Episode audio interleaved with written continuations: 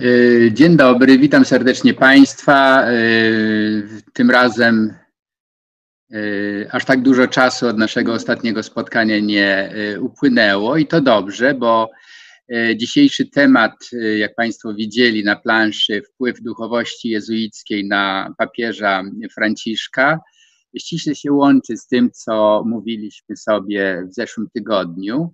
Również Państwa pytania wskazały, duże e, zainteresowanie możliwym e, rozwojem tego tematu i myślę, że pani profesor Irena Pańków jak zwykle miała świetną intuicję, że wewnętrzne sprawy Kościoła nie są tylko zarezerwowane dla wtajemniczonych, ale mogą zainteresować również szerszą publiczność, właśnie Państwa. Także serdecznie witam wszystkich słuchaczy i widzów e, Uniwersytetu Trzeciego Wieku Collegium Civitas.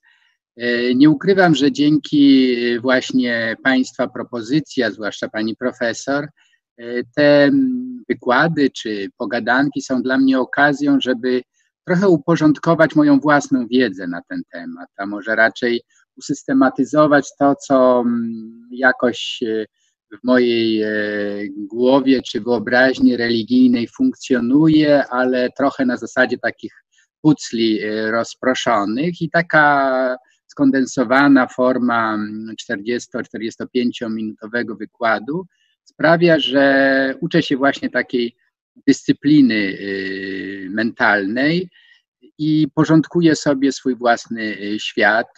Dlatego też jestem Państwu wdzięczny za i za zainteresowanie i za późniejsze pytania, bo jak już można powiedzieć, nasza e, mała tradycja e, uczy, po wykładzie będą możliwości zadawania na czacie pytań i postaram się, jeśli oczywiście tylko potrafię, na te pytania odpowiadać.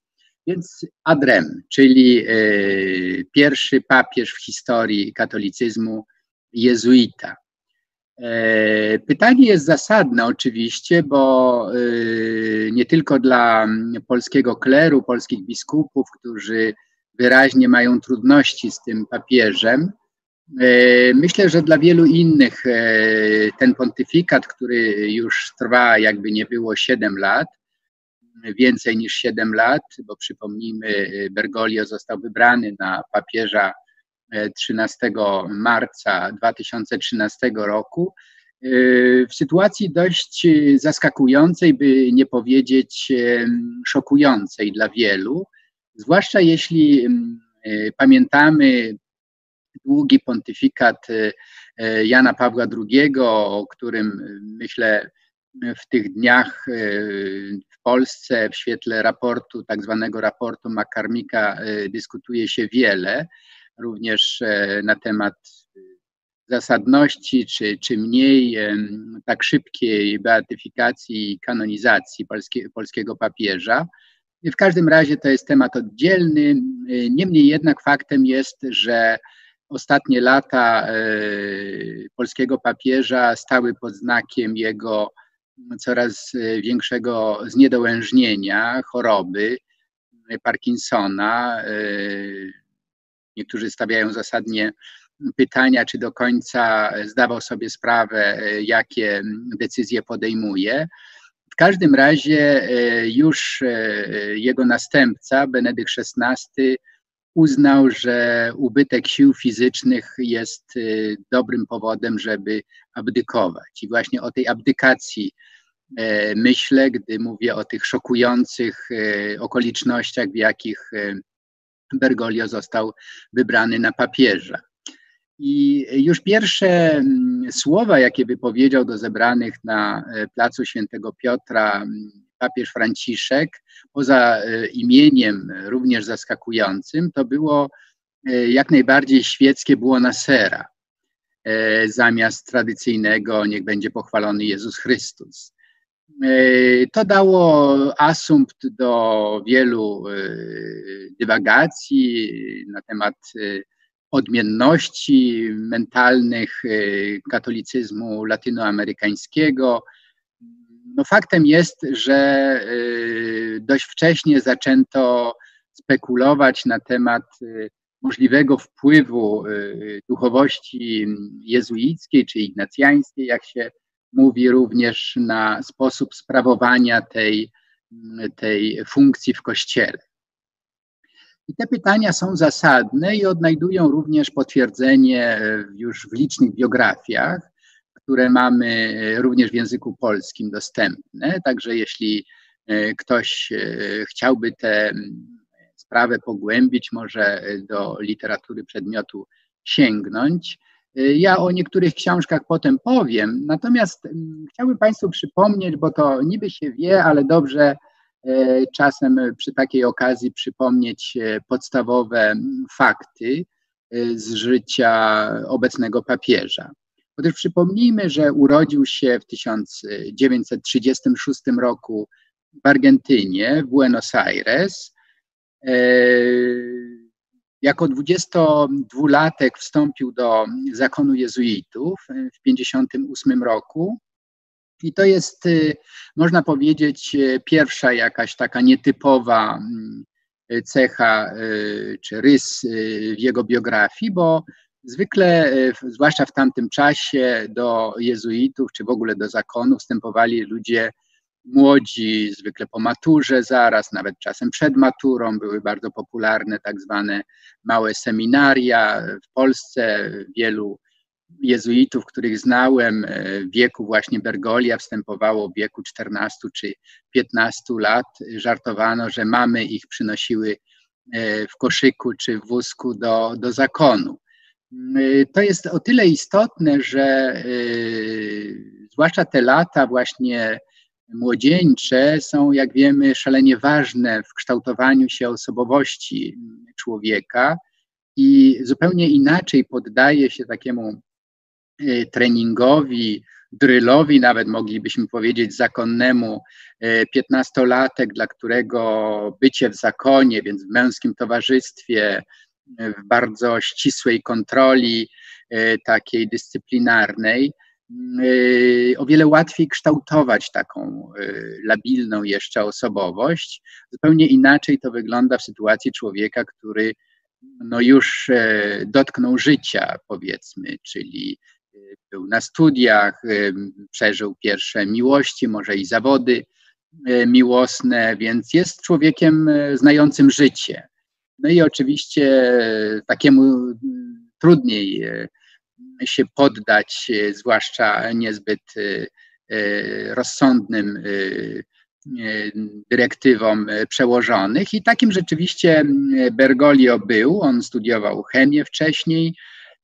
W każdym razie, właśnie jako ten 22-latek przeszedł ten, jak mówi, mówimy w żargonie jezuickim trochę, no bo ja jestem byłym jezuitą i mogę powiedzieć żartobliwie, że to nas łączy z Bergoglio, bo jednym z najważniejszych ślubów w zakonie jezuitów jest ślub posłuszeństwa papieżowi. No i jak ktoś zostaje papieżem, no to no kogo, kogo ma słuchać, tak? Sam jest tym, którego słuchają i można powiedzieć, że Bergoglio w momencie, kiedy został e, papieżem, przestał być jezuitą. No ja przestałem być jezuitą, dlatego że z zakonu wystąpiłem, ale ta chemia jezuicka e, we mnie została, także z, e, proszę się nie dziwić, że z dużą sympatią będę mm, o Bergoliu e, mówił, jednak nie będę go kanonizował za życia.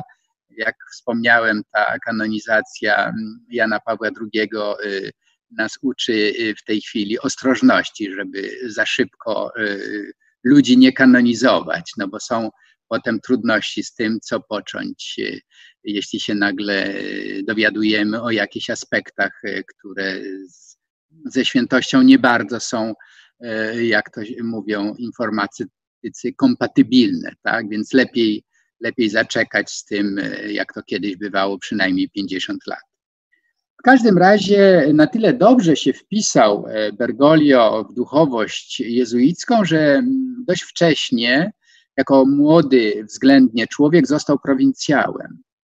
I to były lata, mm, właśnie tutaj dotykamy tej ciemnej strony y, człowieka mm, Jorge Bergoglio, bo został prowincjałem w 1973 roku, był nim przez 5-6 lat do 79 roku. No i nie muszę przypominać, że w, w Argentynie wtedy no, panowała junta wojskowa, tak zwany rząd y, faszystowskich pułkowników, którzy y, przez te rządy y, no, sprawili, że kilkadziesiąt tysięcy, różne są te szacunki, zresztą nie do końca są one jasne, bo ludzie ginęli w tajemniczych okolicznościach. W każdym razie faktem jest, że Bergoglio w tym czasie jako prowincjał E, zwolnił e, z zakonu dwóch jezuitów, jeden jeszcze z nich żyje, Franz Jalicz, którzy byli podejrzewani przez właśnie huntę o współpracę z komunistami, a wiadomo, że wtedy ktokolwiek nie zgadzał się z ich faszystowskimi rządami, był, był komunistą, no i oni spędzili kilka miesięcy w celi śmierci, czekając na wyrok.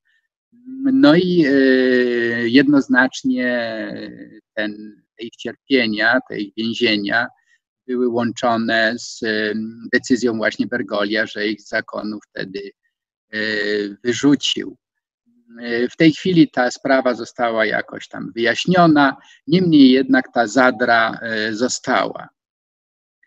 Po zaprzestanie, po, po skończeniu swojej kadencji e, jako prowincjał, e, można powiedzieć, Bergoglio wpadł w taki mm, rodzaj limbo, czy czyściec zakonny, bo jako prowincjał nie tylko, że miał te właśnie ten moment takiego nie do końca wyjaśnionego flirtu z, fa z faszystowskim rządem hunty, ale rządził twardą ręką, to znaczy spolaryzował e, bardzo e, jezuitów argentyńskich.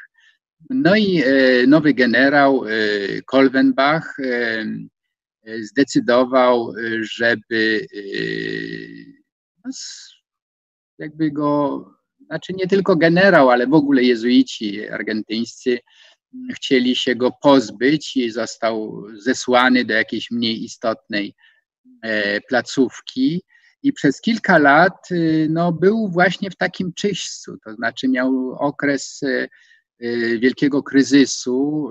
Niektórzy mówią, że się zastanawiał nawet, czy nie wystąpić z zakonu.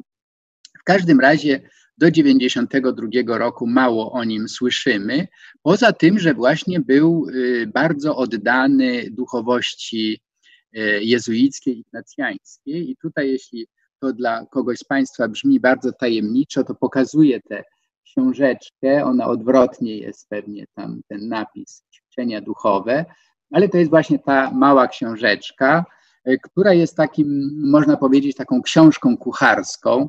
E, to znaczy, że trzeba dobrej kucharki, żeby dobre mm, z, z przypisów zrobić dobre danie i tak samo trzeba dobrego kierownika duchowego, żeby te, ten tekst e, ćwiczeń duchowych przełożyć na, mm, e, na przeżycie konkretne, tak? na przeżycie religijne, które zmienia człowieka. No więc Bergoglio był ceniony właśnie jako taki kierownik duchowy, to znaczy ktoś, kto miał za sobą trudne doświadczenia życiowe, ale potrafił je właśnie tak e, w duchu ignacjańskim, jezuickim przełożyć na coś pozytywnego. To znaczy, że błędy, jakie popełniamy, jakie popełniliśmy, czy mówiąc językiem teologicznym, grzechy, są nie tylko powodem do smutku, do żalu za nie, ale również uczą nas po prostu, jak e, tych samych błędów, tych samych grzechów e, nie popełniać. Jest to, można by powiedzieć, taki podręcznik e, chrześcijanina, który chciałby swoje życie uporządkować. I wtedy właśnie e, jako takiego e, cenionego, poszukiwanego kierownika duchowego odkryli biskupi i został mianowany w 1992 roku biskupem pomocniczym ówczesnego kardynała Buenos Aires i przez pięć lat właśnie mu pomagał i potem w 1996 roku został sam biskupem diecezjalnym w mniej znanej diecezji Oka i przez kolejne lata był właśnie już biskupem no, ważnym, poważnym i, i został y, również biskupem potem y, Buenos Aires. I od 1997 roku do 2013 y, roku był arcybiskupem właśnie, czyli najważniejszym, można powiedzieć, biskupem argentyńskim. Mówię o tym wszystkim dlatego, że, że to decyduje, czy kształ, y, uświadamia nam, dlaczego Bergoglio był inny niż na przykład polscy biskupi, tak? Że ta droga y, była drogą krętą, pełną takich zakoli, meandrów, y, wcale nie taka typowo, moglibyśmy powiedzieć, klerykalna. I to y, dało się zauważyć dość szybko, dlatego że można powiedzieć, Bergoglio, będąc już papieżem, nie bał się mediów nie bał się mediów i to nie takich mu sprzyjających, kościelnych, gdzie, nie wiem, jak w Polsce Radio Maryja, Telewizja Trwam, czy Nasz Dziennik, tam biskupi chętnie wywiadów udzielają, no bo są pewni, że żadne niewygodne pytanie ich tam nie e, zaskoczy. Natomiast Bergoglio wdał się w taki kontakt, e, można powiedzieć, e, z liberałami, ateistami, i to było bardzo zaskakujące. Ale y, jeśli ktoś zna właśnie zakon jezuitów, zwłaszcza w Ameryce Łacińskiej, to wie, że jezuici jakby z natury zajmowali te pozycje właśnie awangardy czy pierwszego frontu i to można prześledzić również na dokumentach y, zakonnych, tak zwane kongregacje generalnych, y, w których on sam brał udział. I e, mógłbym tutaj przywoływać długo te, te dokumenty, ale są to sprawy trochę takie drugorzędne i chyba dla naszego tematu nie najważniejsze. Natomiast ważne są y, dwie rzeczy. Jedna to jest tak zwana e, opcja, czy taka decyzja, żeby zajmować się szczególnie ludźmi ubogimi. Los pobres to jest taka klasyczna klasyczne wyrażenie e, katolików, a zwłaszcza właśnie jezuitów latynoamerykańskich, który, czyli, czyli ubodzy jako e, centrum ich uwagi duszpasterskiej. To się przełożyło również na teologię wyzwolenia. Teologia wyzwolenia, która była, jest do dzisiaj stygmatyzowana jako właśnie taki flirt z marksizmem, z komunizmem, z, z bolszewizmem i Bóg wie co, w realiach e, natomiast latynoamerykańskich to oznaczało bliskość ludzi ubogich, favelas, e, e, no, ludzi nieuprzywilejowanych. I to, była, to było jedno z źródeł napięcia między kościołem bogatym, kościołem latyfundiów, w którym specjalizowali się zwłaszcza Opus Dei, ja przyznam się, że właśnie studiując w latach 80. w Rzymie, po raz pierwszy się zetknąłem z tym ogromnym napięciem między jezuitami a Opus Dei, bo Opus Dei zawsze się posługiwało bogatymi środkami. Właśnie media, uniwersytety, mm, e, no, potężne środki finansowe, uczelnie. Natomiast jezuici właśnie nauczeni tym złym y, doświadczeniem, o którym mówiliśmy sobie w zeszłym tygodniu, postanowili, zgodnie zresztą z duchem Ewangelii, wejść właśnie w świat ubogich. I Bergoglio był częścią tej nowej decyzji e, władz zakonnych, generałów, taki charyzmatyczny bardzo e, Pedro Aruppe, e, Baskijczyk, który całe życie spędził w Japonii. Właśnie on był takim promotorem tej tej nowej wrażliwości jezuitów wobec ubogich. Drugą e, taką e, linią, czy jak to nazwać, takim frontem, na którym jezuici działali z ogromną e, aktywnością, to był dialog z ateizmem, z niewiarą, z sekularyzmem. To są specjalne, jak mówię, całe tomy poświęcone temu. Powstawały właśnie środki takiej analizy społecznej.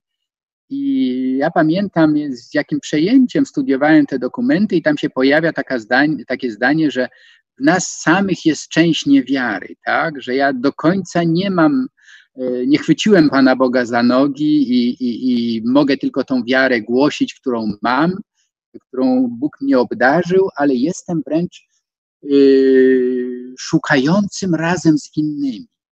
Czyli to jest jakby ten, ta naturalna, jakby Bourdieu powiedział, ten humus, czyli ten habitus raczej, czyli to druga natura, tak, że ja szukam kontaktu z tymi, którzy są poza głównym nurtem katolicyzmu.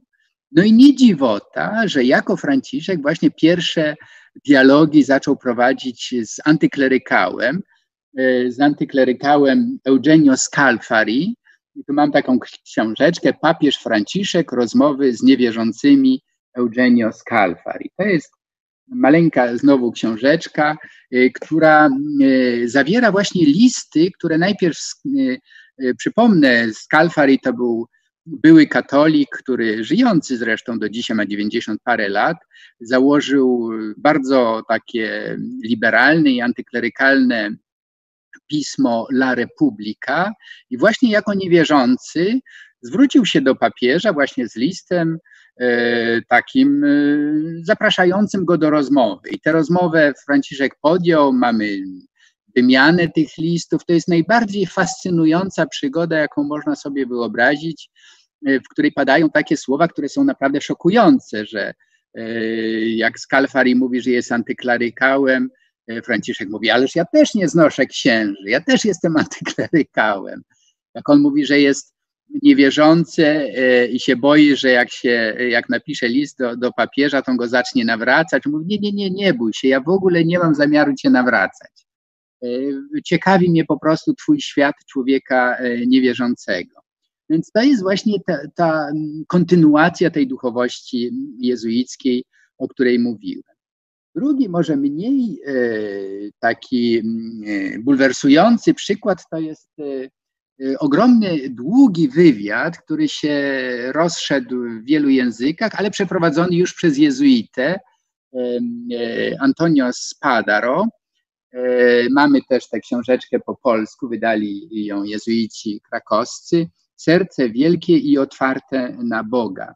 Dlaczego to jest taki ważny ten wywiad? Otóż to nie jest wywiad z papieżem na kolanach, że Ojcze Święty, no powiedz nam jak żyć, no jak, jak sobie radzić w tym okropnym świecie. Nie, to jest po prostu próba zrozumienia, czym dla Ciebie jest. On zresztą Franciszek lubi, żeby y, do, do niego mówić per Franciszek, tak?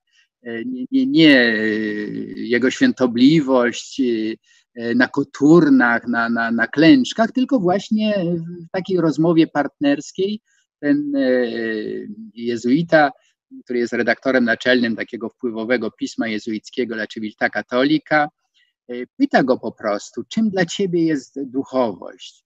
E, czym dla ciebie jest święty Ignacy, jakich masz ulubionych świętych. No i tam ja się dowiedziałem, że na przykład dla Bergolia e, ważnym punktem odniesienia jest taki jezuita e, francuski Michel Desserteau, który przeszedł do historii y, z jednej strony jako badacz y, historii zakonu, duchowości ignacjańskiej, ale przede wszystkim jako człowiek, i to jest akcent, który jest wyjątkowo aktualny w naszej dzisiejszej polskiej rzeczywistości, który w 1967 roku, jako jeden z nielicznych duchownych, bardzo pozytywnie odniósł się do tak zwanych ruchów studenckich czy kultury kontrrewolucyjnej, właśnie tego, co dzisiaj obserwujemy na ulicach polskich, te protesty, czasem opatrzone radykalnymi e, hasłami. Wtedy to działo się właśnie na ulicach Paryża, Stan, w ogóle w całej Europie Zachodniej i Deserto użył takiego słowa, które do dzisiaj brzmi w moich uszach, i sądzę, że również w uszach papieża Franciszka, la prise de la parole, bo on to oczywiście po francusku pisał, czyli wzięcie słowa. że mm, ulica po raz pierwszy jakby odzyskała swoją podmiotowość, buntując się przeciwko takim strukturom właśnie e, skostniałych, zmurszałych. No w Stanach Zjednoczonych to była oczywiście jeszcze dodatkowo wojna w Wietnamie, e, we Francji to była wojna z, e, z Algierią, więc takie kolonialne zakusy tych tak zwanych nominalnie demokracji zachodnich okazały swoje oblicze właśnie takie groźne, tłumiące podmiotowość jednostki. Więc te ruchy emancypacyjne, które przeżył Bergoglio jako młody człowiek, dzisiaj są dla niego również ruchami y, odzyskiwanej podmiotowości przez świeckich. Dlatego sądzę, i tutaj y, komentuję już, y, odsyłając zainteresowanych do do tego, do tego długiego bardzo wywiadu, gdzie mowa jest właśnie już o tej nieszczęsnej kulturze klerykalnej, że większość katolików, zwłaszcza w krajach katolickich, gdzie dominuje katolicyzm, a tak było właśnie w niektórych krajach Ameryki Łacińskiej, Argentynie, Chile, Peru, Brazylii, no i oczywiście Polsce, Irlandii, Hiszpanii, Włoszech, w tych wszystkich krajach y, katolicyzm był utożsamiany z, y, z księżmi, z klerem, z biskupami, z papieżem wreszcie. No i Franciszek mówi, nie, to nie jest właściwe podejście. I mm, argentyńska mm, teologia wyzwolenia miała taki szczególny rys, który się nazywa mm, teologią nie tyle wyzwolenia, czyli, czy raczej teologią ludu. I to, y, proszę zwrócić uwagę, to nie jest y, to, co się dzieje w Polsce od kilku lat, ubóstwienie niemalże narodu. Wszystko musi być narodowe, media narodowe, muzea narodowe, media narodowe, no wszystko mamy narodowe, nawet Instytut Sztuki narodowy, tak? To nie o to chodzi, bo to jest pewna karykatura, która się bardzo źle kojarzy z nacjonalizmem, z faszyzmem, z ubóstwieniem, właśnie taką fetyszyzacją etnosu, czyli narodu. To nie o to chodzi. Chodzi o to, żeby wsłuchiwać się w głos właśnie tych najbardziej zmarginalizowanych, ubogich i stamtąd czerpać. Inny teolog wyzwolenia nie jezuita, no, nobody is perfect, nie wszyscy muszą być jezuitami, e, Gustavo Gutierrez z Peru napisał taką uroczą książeczkę, którą też pamiętam, czytałem z wypiekami na twarzy w Rzymie w, Rzymie w latach 80., beber de su proprio pozzo, czyli pić z własnej studni, to znaczy czerpać z korzeni własnej kultury. Można powiedzieć, że oczywiście to jest bardzo podobne do tego, co Jan Paweł II głosił, mówiąc o y, ważności kultury, o tym, żeby y, dowartościować kulturę, ale to, to jest zupełnie inne y, rozumienie właśnie tej, tego, tej, tej, tych źródeł, że to nie jest narzucane innym, ale to jest jakby wspólne szukanie, takie drążenie w to, co nas określa i naszą tożsamość. Ja myślę, że to, to jest również ten rys e, e, duchowości mm, jezuickiej, która jest bardzo żywo obecna e, w sposobie sprawowania funkcji papieskiej. Inne sprawy, też zaskakujące może dla wielu, to jest na przykład to, że dla Bergolia ważna bardzo była i jest literatura. On mówi o swojej fascynacji na przykład Dostojewskim, Camus, Borgesem, czyli to są te święte miejsca, których mało kto kojarzy z religią, ale właśnie dla Bergolia literatura to jest to miejsce, kiedy mm, stykamy się z taką tajemnicą istnienia, z tajemnicą, której nie sposób sprowadzić do dogmatu, do jakiejś jednoznacznej formuły.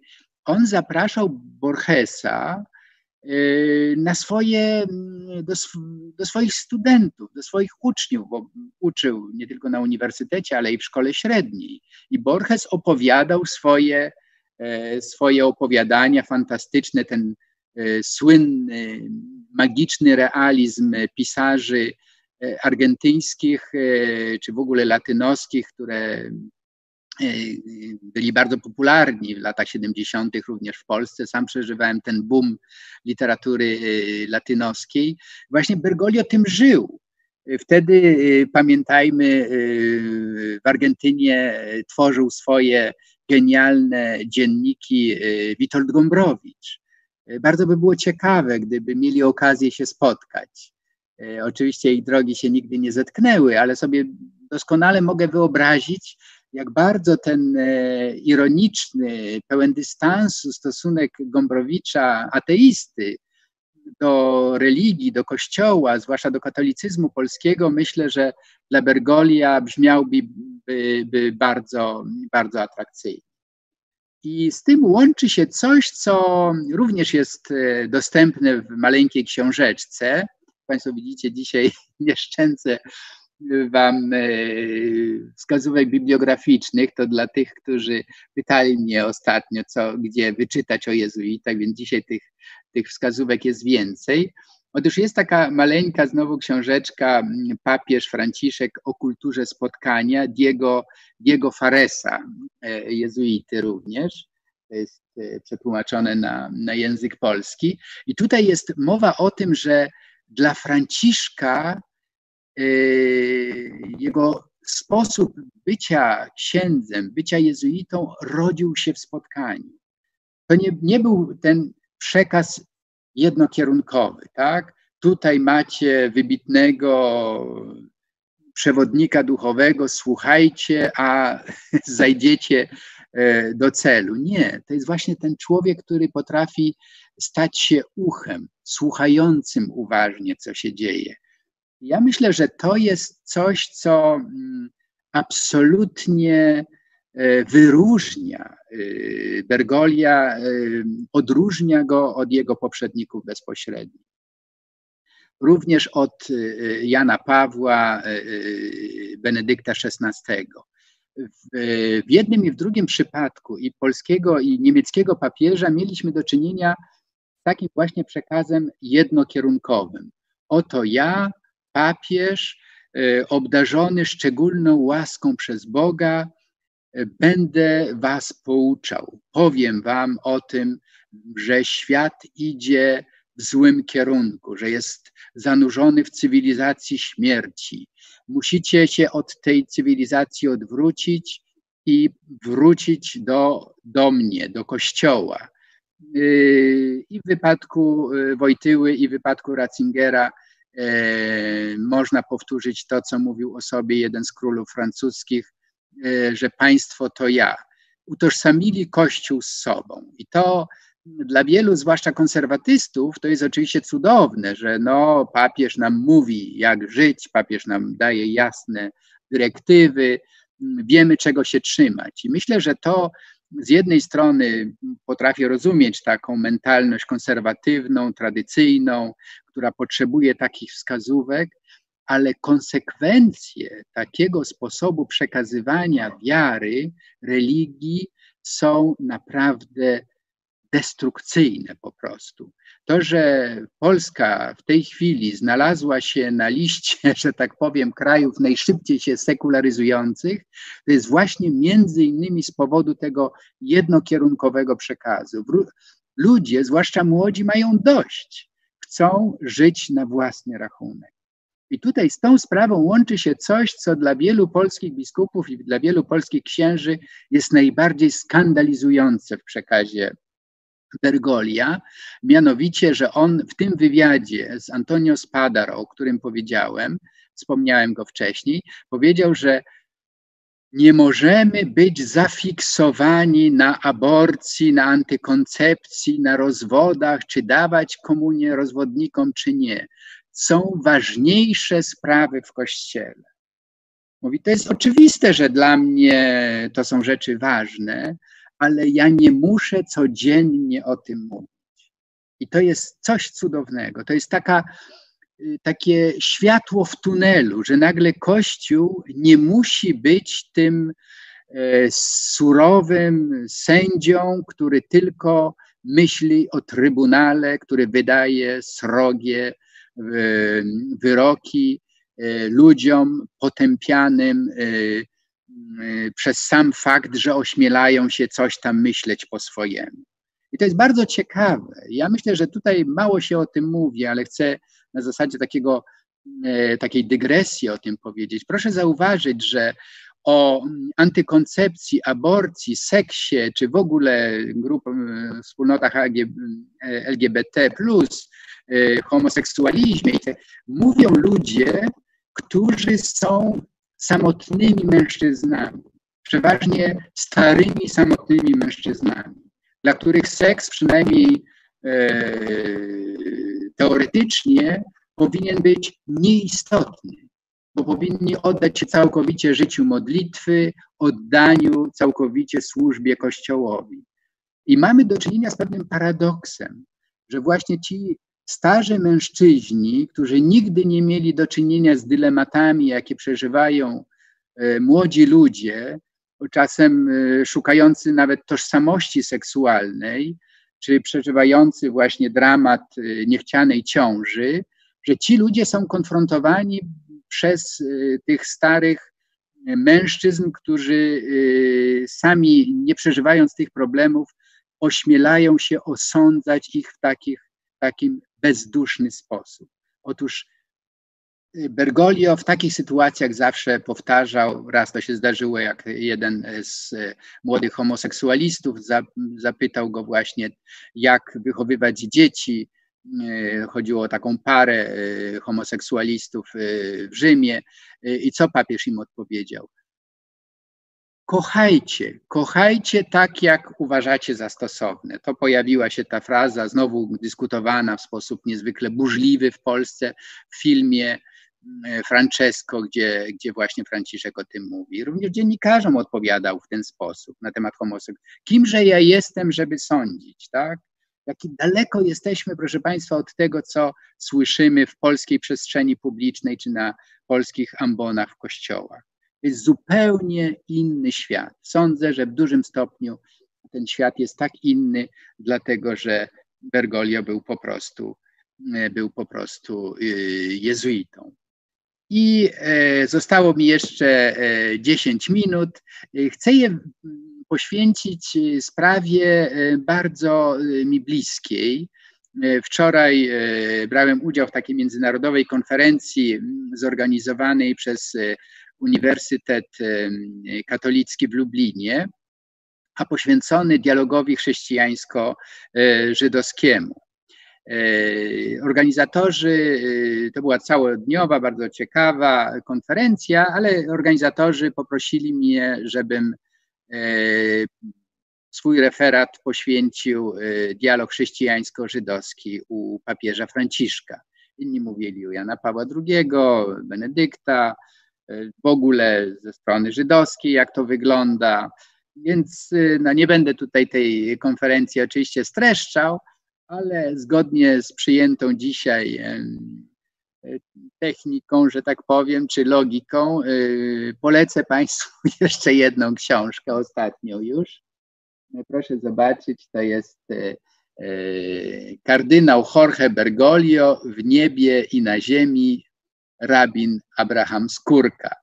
To jest e, książka, która została przetłumaczona na język polski, jak tylko e, Bergoglio został e, papieżem w 2013 roku, ale jest to zapis tak naprawdę dziejów niezwykłej przyjaźni między dwoma duchownymi, rabinem Abrahamem Skórką i właśnie e, duchownym e, katolickim e, Jorge Bergoglio. I tutaj znajdziemy w tej książce nie tylko zapis dialogu chrześcijańsko-żydowskiego, ale, ale przede wszystkim zapis ludzkiej przyjaźni. Oni mają i mówią o tym, nie, nie, o, mają gusta, że tak powiem, kulinarne, mają swoje fascynacje różnymi drużynami piłkarskimi. Ale oczywiście najważniejsze jest, e, jest dialog chrześcijańsko-żydowski. Myślę, że w Polsce ten dialog e, chrześcijańsko-żydowski odbywa się w sposób niezwykle oporny, jak po grudzie. Nie mamy właściwie e, poza takimi okazjonalnymi sytuacjami jak Dzień Judaizmu w Kościele katolickim, rzadko e, możliwość, żeby o tym rozmawiać właśnie w taki, taki przyjacielski sposób. Zawsze jest to konfrontacyjne, zwłaszcza, że do tego wszystkiego się jeszcze politycy wtrącają, którzy próbują zbić kapitał polityczny na e, właśnie na, na polskim e, tradycyjnym zresztą antysemityzmie, który w dużym stopniu był budowany przez, przez polski kler. To jest oddzielna sprawa. Ja tylko chcę zwrócić uwagę, że jest możliwe budowanie relacji z innymi religiami właśnie w taki przyjacielski sposób. I co z tego wszystkiego się, się wyłania, z tej, z, tej, z tej książeczki, z tych pogadanek, które mają swoje przedłużenie oczywiście na ten pontyfikat e, Franciszka już e, siedmioletni. Otóż wyjawi, wy, wyłania się znowu to wielkie ucho, to słuchanie, słuchanie kogoś, kto jest inny ode mnie, kto jest Żydem albo kto jest katolikiem, kto ma swoją religię, kto ma swoje wierzenia, ale nie narzuca swoich przekonań, swoich wierzeń drugiej strony. Z ciekawością wsłuchuje się w to, co drugi ma do powiedzenia, to czym drugi żyje. I takim wielkim e, obecnym w tej, w tej książce jest mistrz e, Abrahama Skórki, inny wielki rabin e, pochodzenia polskiego, podobnie jak i Skórka zresztą, który, e, którego rodzina w dużym stopniu zginęła w Treblince, została zamordowana w czasie zagłady. To jest Abraham Joshua Heschel. To jest ten wielki e, rabin, e, który zdołał wyjechać, uciec z Polski w sierpniu 1939 roku. Zdobył światową sławę jako właśnie najbardziej duchowy e, rabin, który trafiał z równym przekonaniem do chrześcijan, jak i do Żydów, do wierzących, jak i do niewierzących. Otóż rabin e, Abraham Joshua Heschel jest tym właśnie patronem tego dialogu, to znaczy tej uważności słuchania, tego pielęgnowania religii żywej, która nie zastygła w dogmacie, która nie zastygła w takiej aroganckiej pewności siebie, że mam już w kieszeni Pana Boga, tylko właśnie takiego otwarcia na impulsy płynące z wnętrza, y, z tego przekonania, że Bóg szuka człowieka, że człowiek szuka Boga. To znaczy, że jest to pewien proces, pewna droga, do której wszyscy jesteśmy zaproszeni. Żebyśmy nie narzucali drugim y, y, swoich własnych poglądów, swoich własnych, żebyśmy nie projektowali na innych swoich własnych lęków. I mi się wydaje, że w tej książce y, właśnie na, w niebie i, i, i na ziemi znajdujemy taki wzór pewnego porozumienia na końcu. I jeszcze jedna e, uwaga, również związana z Polską. Otóż mało znanym, e, no, trudno to nazwać epizodem, ale takim zaciekawieniem jednego z najsłynniejszych polskich socjologów i filozofów, którego rocznicę urodzin 95. wczoraj żeśmy obchodzili, e, Zygmunt Bauman, był y, w ostatnich latach właśnie zafascynowany Bergolią. Ja to wczoraj y, powiedziałem na konferencji i z dużym zdumieniem odkryłem, że wielu y, uczestników i zarówno Żydów, jak i chrześcijan było zdziwionych, że ja włączam do mm, dialogu chrześcijańsko-żydowskiego człowieka, który całe życie deklarował się jako agnostyk czy ateista. Otóż wydaje mi się, że to jest bardzo powierzchowne spojrzenie na problem y, dialogu, y, y, w ogóle dialogu. Przede wszystkim mm, ktoś kiedyś słusznie powiedział, że Pan Bóg nie stworzył żadnej religii, Pan Bóg stworzył świat. I w tym sensie wszyscy jesteśmy dziećmi jednego Boga. E, oczywiście może to zabrzmieć trochę arogancko wobec ludzi niewierzących, którzy nie poczuwają się do tego, że są dziećmi jednego Boga, więc można to oczywiście mm, zawiesić i powiedzieć, że wszyscy jesteśmy przede wszystkim ludźmi. Ja myślę, że Zygmunta Baumana właśnie ten wymiar e, duchowości czy sposobu właśnie bycia e, papieżem fascynował Ubergolia. To nie była fascynacja nieodwzajemniona. Otóż e, papież Franciszek zaprosił Zygmunta Baumana w 2016 roku do Asyżu na takie spotkania właśnie dialogu i słuchał jego wykładu. Oni się potem spotkali. I gdyby Bauman żył jeszcze kilka lat, zmarł kilka miesięcy później, jestem przekonany, że z tego y, zaciekawienia wzajemnego, tej fascynacji, y, Franciszek zresztą wielokrotnie cytował Baumana w różnych swoich przemówieniach, więc to, to naprawdę było wzajemne. Y, I, i, i, z tym zakończę. To znaczy, że, że ta jezuicka e, duchowość to zaciekawienie właśnie y, raczej granicami y, między wiarą i niewiarą, ubóstwem i możliwością głoszenia Boga ludziom, którzy się którzy zostali przez wielkich tego świata zepchnięci na margines. Że to wszystko sprawia, że dzisiejszy katolicyzm wygląda inaczej, a najbardziej o tym świadczą kolejne encykliki papieża Franciszka. Nie mam czasu już, żeby o tym mówić, bo chcę wysłuchać Państwa pytań. To jest zwłaszcza tak zwana zielona czy ekologiczna encyklika Laudato Si i ostatnia Tutti Fratelli, y, w całości poświęcona właśnie problemowi dialogu. Sądzę, że w tych encyklikach znajdziemy jakby te inspiracje jezuickie, o których próbowałem Państwu nieudolnie powiedzieć. Zamieniam się teraz w słuch, e, to znaczy zaczynam czytać Państwa, państwa czaty. E, Eternal Light, mamy pierwsze tutaj pytanie. E, czy jest możliwe, że po Franciszku będzie reakcja konserwatywnej części Kościoła i na papieża zostanie wybrany jakiś ultrakonserwatysta? Czy raczej będzie kontynuowana droga liberalizacji.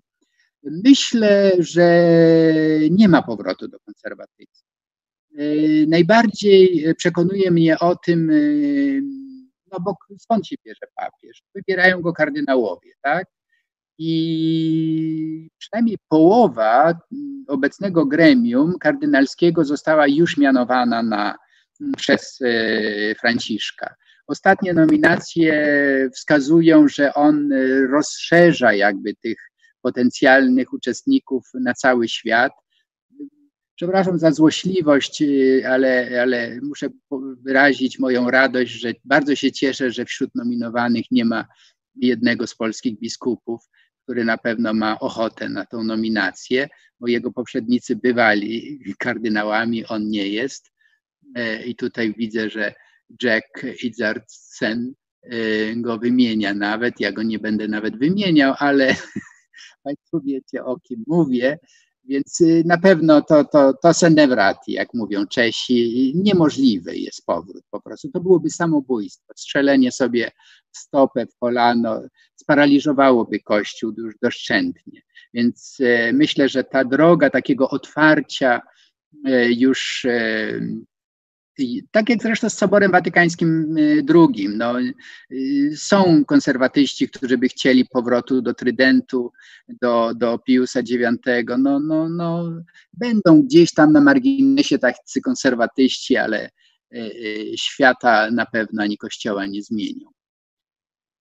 Dobrze, co tu mamy następnie? Mm, są raczej Państwa komentarze niż pytania ale jest jedno. Kultura dialogu jest trochę w Polsce światem egzotycznym. Czy dogmatyczna formuła religijności polskiej nie kultywuje w nas przywiązania do monologu, jak również nasze przywiązanie do cierpienia?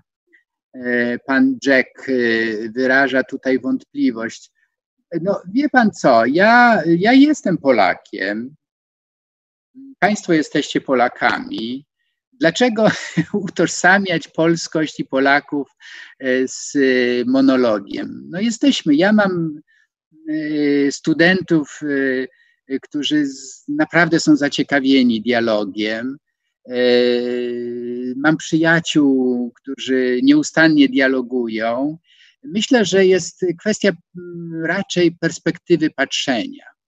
W tej chwili rzeczywiście i w kościele, i w polityce mamy kulturę, jeśli można to w ogóle nazwać kulturą, monologu wykrzykiwanego, pełnego nienawiści, niechęci do świata. Większość liderów polityczno-religijnych to są ludzie, myślę, głęboko skrzywdzeni przez siebie samych no, trzeba, wierzący powinni się modlić. Wśród wielu haseł protestu kobiet bardzo mi się podobało jedno. Miła pani pozna nowy rząd. Więc ja y, myślę, że to jest bardzo dobre, y, dobre oczekiwanie. Y, rozszerzyłbym je również na polski episkopat. Czekajmy na zmiany, że dialog zawita również u nas. E, bo przecież e, w latach 70. w Argentynie też e, dialogu nie było. Była władza przemocowa, okropna, ale się zmieniła, więc dlaczego nasza ma się nie zmienić? Dobrze, co jeszcze? Osobiście Sylwia pisze. Osobiście odbieram papieża Franciszka jako jeszcze lepszy produkt PR-owy Watykanu od Jana Pawła II. Dobrze mu idzie, niewiele to zmienia w strukturach. No, y, to jest y, bardzo mm, realistyczny komentarz. Y, pewnie panią zdziwi, ale go podzielam w dużym stopniu, mimo mojej entuzjastycznej pogadanki. Myślę tutaj o tym, że papież Franciszek nic nie zrobił, jeśli chodzi o zmianę statusu kobiet w kościele. Ulega ciągle temu lobby konserwatywnemu. Dużo mówi o, o kulturze antyklerykalnej, e, czy klerykalnej, czy hierarchikalnej, ale tak naprawdę jego partnerami ciągle są biskupi. Nie możemy się doczekać, żeby wreszcie wysłuchał na przykład ofiar e, e, przemocy, nadużyć seksualnych w kościele w polskim. Także ma Pani rację, to jest w dużym stopniu PR no ale ulegamy temu PR-owi. Ja, ja przyznaję się, że, że mu ulegam, ale też y, no, wolę mieć kogoś, y, o kim mogę coś dobrego powiedzieć, niż ciągłe narzekanie. Więc y, dlaczego nie? No, PR to jest początek. My produkty, które nam PR-owcy zachwalają, zwykle sprawdzamy. I myślę, że nadszedł czas, żeby sprawdzić papieża Franciszka, zwłaszcza w tej e, warstwie, o której wspomniałem, bolesnej, e, e, nadużyć seksualnych w kościele. Początek dobry został zrobiony. Wydawało się, że kasta biskupów polskich jest nie do ruszenia, a się okazuje, że jeden został zdymisjonowany, myślę tutaj o Edwardzie Janiaku y, z Kalisza. Drugi y, przed śmiercią kardynał Gulbinowicz został pozbawiony tak naprawdę wszelkich praw związanych z kardynalstwem. Więc ofiary są wysłuchiwane. To jest wolno, idzie, młyny kościelne mielą wolno, zbyt wolno ale, ale, ale y, bądźmy dobrej myśli. Dokładnie tutaj się wpisuje pytanie pana Marcina, czy doczekamy się kapłaństwa kobiet? No jeden z mnichów bardzo mi bliski, y, benedyktyński, y, benedyktyn niemiecki Anselm Grün powiedział, że doczekamy się za 100 lat.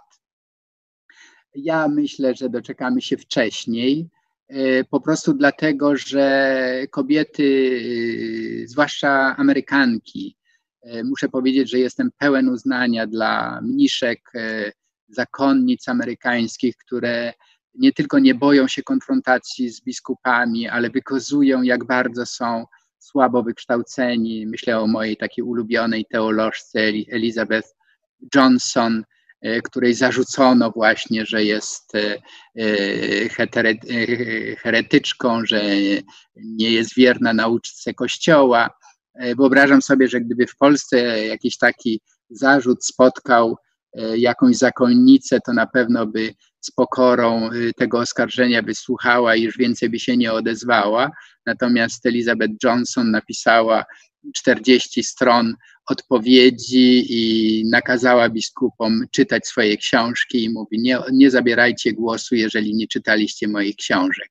Więc y, y, moje zdanie jest takie, że kapłaństwo kobiet to jest kwestia najbliższego y, pontyfikatu. E, papież Franciszek jest, e, no przy całej mojej sympatii dla niego, e, jest jednak no 86 lat, nie chcę tutaj uprawiać ageizmu, bo znam, jak wspomniany Zygmunt Bauman był cudownym, starym człowiekiem, który, którego ciekawość świata biła na głowę niektórych moich studentów, więc nie o to chodzi, ale jest dzieckiem swego czasu, to znaczy on nie przekroczy tego, natomiast e, coraz więcej intuicji teologicznych idzie w tym kierunku, że e, nie ma żadnych przeszkód dogmatycznych, nigdy ich zresztą nie było, e, żeby kapłaństwo, żeby kobiety mogły być wyświęcane na kapłanów, co więcej, we wszystkich kościołach reformowanych, czyli powstałych w XVI wieku kościołach protestanckich kapłaństwo kobiet jest czymś oczywistym. Są, są pastorkami, są biskupkami i nikogo to nie dziwi. Co więcej, w samej doktrynie katolickiej e, sformułowanej na Soborze Watykańskim II mamy powrót do tych intuicji z pierwszych wieków, gdzie mowa jest, że każdy, jesteście ludem kapłańskim, ludem odkupionym, to znaczy lud to znaczy wszyscy, nie tylko 50% y, y, ludzkości, ale wszyscy, więc można odwołując się do własnej tradycji stworzyć podstawy teologiczne do kapłaństwa kobiet, tylko trzeba chcieć. Trzeba przestać po prostu być paraliżowanym przez nienawistną mowę dzisiejszych teologów czy no, przeważnie analfabetów teologicznych, jakimi są w większości polscy e, dziennikarze katolicy czy e, nawet księża, trzeba po prostu zacząć porządnie studiować e, i poznawać własną tradycję. Więc będzie, doczekamy się, panie Marcinie. Idziemy dalej. Sylwia znowu, dzięki za odpowiedź, dobrze, ale nie jest tak, że ofiary są wysłuchiwane, bo krzyczą. Nie jestem pewna, czy dzięki papieżowi. Nie, no absolutnie ma pani rację. No, e, inny mój ulubiony mm, teolog, e, o którym, którego ostatnio książkę polecałem, pierwsi jezuici, John O'Malley, bardzo trzeźwo w którejś ze swoich licznych książek napisał, że Kościół się nigdy nie zmieniał sam i dobrowolnie. Więc y, trzeba zmuszać Kościół, trzeba zmuszać biskupów, trzeba zmuszać księży, trzeba zmuszać papieża. Bez nacisku nic się nie będzie działo. No każdy lubi święty spokój. Ja też wolę, żeby mi nikt nie zawracał głowy, ale czasem zmuszany coś robię, coś mówię, więc w tym sensie myślę, tak samo jest, y, jest z papieżem. No, jeżeli będziemy mu dokuczać, y, jak pani y, Zord bodajże z, z Gdańska, która właśnie zrobiła dużą akcję całostronicowa, reklama się ukazała takiego właśnie postulatu do papieża, żeby coś zrobił z biskupem Głudziem i z innymi biskupami kryjącymi pedofilii. Jestem przekonany, że ten nacisk właśnie oddolny wpływa na zmianę stanowiska mm, papieża Franciszka. Dobrze, ostatnie pytanie pana Adama. Panie profesorze, czy, a czy istnieje szansa na jakąś zmianę nastawienia polskiego kościoła? Proszę pana, no od nas zależy. Niemcy mają taki duży ruch, który się nazywa Wir sind die Kirche. E, więc e, my jesteśmy kościołem. Nawet jeżeli to wygląda na paradoks, że jak to były ksiądz mówi, że jest kościołem, ale Przypomnę, że byłych księży w tej chwili katolickich na świecie jest 100 tysięcy. To jest duża armia ludzi, którzy mogą naprawdę, są kompetentni przeważnie, bo jeżeli ktoś został wyrzucony czy odszedł z kościoła, to miał ku temu powody. Więc trzeba e, aktywizować e, właśnie ten potencjał, jaki jest w byłych księżach. E, bardzo się cieszę, że pani profesor Pańków to robi, wykorzystując mnie na, na te wykłady. I mam nadzieję, że my tworzymy Kościół właśnie poprzez to, co ja mówię i Państwo życzliwie wysłuchując moich, moich pogadanek. Ostatni, przepraszam, że taki zrobię PR na koniec o byłych księżach. Jedną z najwspanialszych książek, być może była, nie chcę się tutaj wpychać za bardzo, żeby nie zaobirczać wykładów na Uniwersytecie Trzeciego Wieku Kolegium Civitas, ale pokazała się taka książka Tomasza Polaka, byłego księdza właśnie, który nie tylko, że odszedł od kapłaństwa, zrobił akt apostazji, zmienił nazwisko, a był jednym z najważniejszych teologów katolickich. Tomasz Węcławski napisał książkę o systemie kościelnym. System kościelny, który został wdrożony po to, żeby niszczyć, niszczyć podmiotowość człowieka. To jest bardzo radykalna teza i myślę, że warto poddać ją takiemu oglądowi właśnie w formie choćby wykładu, a może by warto było samego Tomasza Polaka zaprosić. Dzisiaj cuda techniki to pozwalają, ale gdyby była taka wola i chęć, to ja również na taką pogadankę się piszę. O dwie minuty przeciągnąłem. Mam nadzieję, że Państwo mi wybaczą. Żegnam, życzę miłego dnia i zapraszam do lektury tych książeczek, które dzisiaj pozwoliłem sobie zarekomendować. Do widzenia Państwu.